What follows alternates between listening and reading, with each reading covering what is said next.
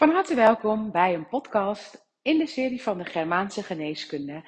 Want deze serie van podcasts die gaan alleen maar over de Germaanse geneeskunde. Maar mocht je het interessant vinden, kijk dan ook op Spotify of op iTunes bij Willemijn Trip. Want daar heb ik nog veel meer podcasts opgenomen. Heel bewust wordt dit een serie met alleen maar Germaanse geneeskunde. Nou, mijn naam is Willemijn Trip en ik behandel, ik kijk via de Germaanse geneeskunde niet alleen naar ziektes en naar thema's van het lichaam, maar ook kijk ik business-wise via de Germaanse geneeskunde. Kijk ik naar gedragingen via de Germaanse geneeskunde. En wil ik je meenemen in het belichamen van jouzelf. En dan met de gedachtegang van de Germaanse geneeskunde. Want de Germaanse geneeskunde, dat is een biologische manier van kijken, via de biologie. Oftewel een heel natuurlijke manier van kijken. En de principes van de Germaanse geneeskunde zijn zowel van toepassing op ons als mensen, als op dieren, als op bomen, als op planten. Oftewel op iedereen en alle wezens in de natuur. Het is ook gebaseerd op de biologische natuurwetten die eigenlijk overeenkomen met de universele wetten. Want alles is alles en het kleine is het grote. En alle universele wetten die er zijn, zijn eigenlijk één op één te leggen op de biologische wetten, want het is eigenlijk allemaal hetzelfde. Nou, wat ik als verschil heb met een um, Germaanse geneeskundeopleiding die heel structureel is, oftewel Um, ik heb de opleiding gedaan van biologica. Ik heb de opleiding gedaan van recall healing. En ik heb nog maar meer, aan meerdere opleidingen geproefd. Um, de manier van kijken in de Germaanse geneeskunde is heel erg prachtig, zwart-wit op papier gezet van als dit, dan dat. Want het is werkelijk wetmatig. Het is 100% reproduceerbaar. En er zit een ongelofelijke logica in. En die logica die ken ik. Die, de structurele logica ken ik. Dus hebben we het over, um, heb je een darmprobleem, heb je een huidsprobleem, heb jij een leverprobleem, dan hoef jij mij maar te vertellen wat er precies aan de hand is. Dan kan ik zien in welke fase jij zit en hoe jij de, het conflict beleeft en waarom je lichaam dus dit aanpast, wat hij, zich, wat hij aan het aanpassen is. Nou, in mijn opleiding van die lijf en brein zien vertel ik dit allemaal. En vanaf september komt daar een extra nuance bij in. En dat is eigenlijk het belichamen. Want als het een aandoening is, dan willen we heel graag dat stukje kwijt. Nou, de Germaanse geneeskunde hoeft niet iets kwijt. De Germaanse geneeskunde, als je gaat zien wat daar op celniveau gebeurt, dan herken je dat jij in jouw systeem een thema hebt en dat het lichaam jou eigenlijk alleen maar zou willen helpen. In deze podcast vertel ik iets over de huid. En de huid, die ken ik natuurlijk vanuit de Germaanse geneeskunde. En ik neem jullie heel graag mee in hoe de huid reageert in situaties. En dan letterlijk op huidniveau. Wat gebeurt er bij de huid? En waar, wat is de functie van de huid? Maar zoals alles alles is, is er een huid in ons lichaam, is er een lever in ons lichaam, een nier in ons lichaam. Alles is alles. Oftewel, die nier als je het hebt over de nier, dan gaat het over in mij de manier waarop dingen stromen. De manier waarop ik vloeistoffen afvloei. En elk orgaan heeft zo een klein stukje functie van mij. Net als wanneer je kijkt in een dorp en je hebt daar een bakker en een slager en een supermarkt. Dan is er een deel bakker in het dorp en een deel supermarkt in het dorp en een deel slager in het dorp. En kijk je naar de manier waarop de slager functioneert, dan zegt dat veel over het stukje slager in het dorp. Is er geen slager in het dorp, kunnen we het ook niet hebben over de slager in het dorp. Maar zo heeft ons lichaam dus eigenlijk alles in zich. En kun je door over dat orgaan te weten hoe dat orgaan functioneert, begrijpen waar jij in mentale situaties inloopt, maar waar jij ook in je gezin of in je werk tegenaan loopt, want je kunt het allemaal op elkaar leggen. Kijk je naar alle organen, heb ik in masterclasses al heel veel organen uitgelegd, welke functies die hebben en hoe je die dus in de breedste zin kunt zien. En vanmorgen heb ik een masterclass gegeven over de huid.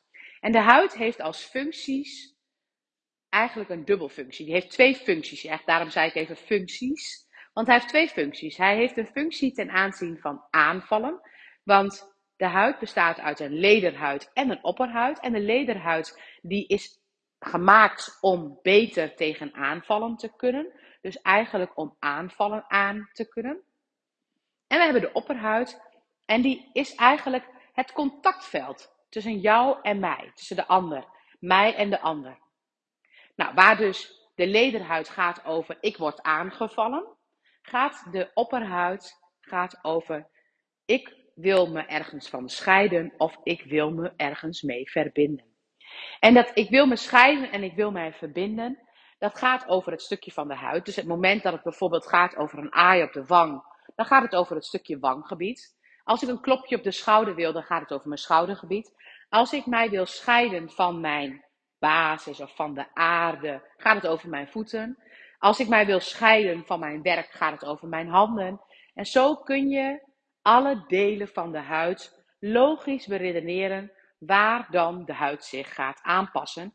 Als je kijkt naar de huid en welke functie heeft dat gebiedje van de huid.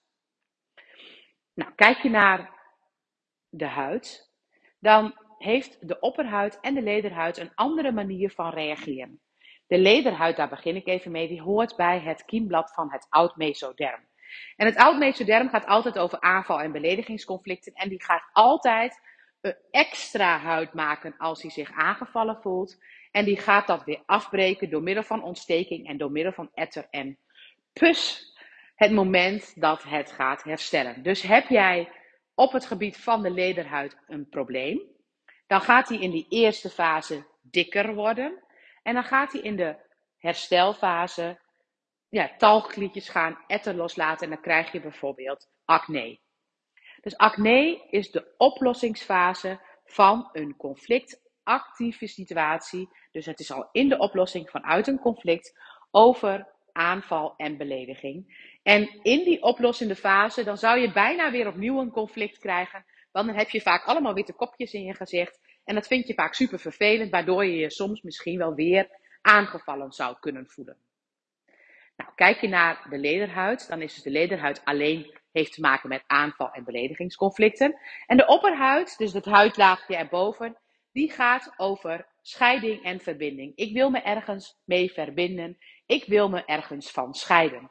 Nou, wat ik net al benoemde, als je graag een aai over de bol wil, dan zou je zo graag je willen verbinden met die aai over de bol. Als je graag een klopje op je schouder wil, dan zou je zo graag een klopje op je schouder willen. Als je last op je rug voelt, dan zou je je daar zo graag van los willen maken. Dan zou je jezelf zo graag van je schouders af willen gooien. En het zijn allemaal conflicten wat ik benoem. En bij al deze situaties gaat in de eerste fase de huid dunner worden, als het gaat over de opperhuid. En in de tweede fase wordt het rood geïrriteerd en dan zie je bijvoorbeeld een eczeem ontstaan.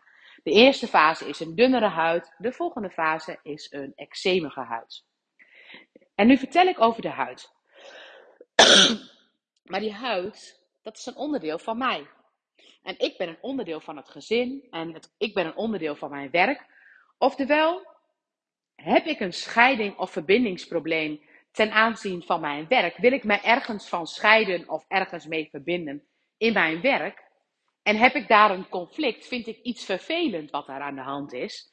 Dan krijg ik het automatisch op mijn huid, want mijn huid gaat mij helpen dus loop je tegen scheidings- en verbindingsthema's aan ten aanzien van je gezin, of ten aanzien van je werk, of ten aanzien van een buurvrouw, of ten aanzien van vriendinnen, dan gaat je huid automatisch reageren. Dus wat wij zien bij de huid kunnen we meteen zien als eczeem of al, maar we kunnen het ook al in een voorstadium pakken. Als ik kijk naar bijvoorbeeld iets waar ik in mijn werk van zou willen scheiden, dan is er altijd wel iets wat je vervelend vindt in je werk. En waar je last van hebt. En dan mag je heus even mee in een conflict zitten. Maar als het je werkelijk op de huid gaat zitten, dan gaat het je echt irriteren van binnenuit. Dus eigenlijk kun je de thema's die er zijn in je lijf al ontdekken door te kijken naar de huid in je gezin, naar de huid in een gezin van, je, van herkomst. Soms zitten bepaalde mensen mij wel eens op de huid. En wat voor mensen zijn dat? Wat voor mensen wil ik mij liever van scheiden en kan ik mij niet mee verbinden? En moest ik mij bijvoorbeeld vroeger wel mee verbinden? Stel je voor, je hebt bijvoorbeeld een broer of een zus waar je echt moeite mee hebt. Dan kan het heel goed zijn dat jij je daarmee van, dat je daarvan wilt scheiden. niet scheiden als uit elkaar gaan, maar dat je daar niet zo dichtbij in de buurt zou willen zijn, terwijl je eigenlijk wel zou moeten, want het is je broertje of je zusje. En stel je voor je ouders gaan scheiden. Dat geeft ook altijd een scheidingsconflict bij jou. En wat is dan hetgeen waar jij van moet scheiden, waar jij de verbinding los moet gaan laten? En dat kan dus allemaal thema's gaan geven op je huid. En zo kun je dus door de Germaanse geneeskunde beter te leren kennen, zien wanneer je jezelf op een bepaald level aanpast. Hoe je in een bepaald conflict kunt komen. En zo kun je dus door heel veel te weten over je leven, je nieren, je hart, je mild, je bloedsomloop, je huid, kun je heel veel leren over de manier waarop jij jezelf aanpast of jezelf jezelf mag zijn.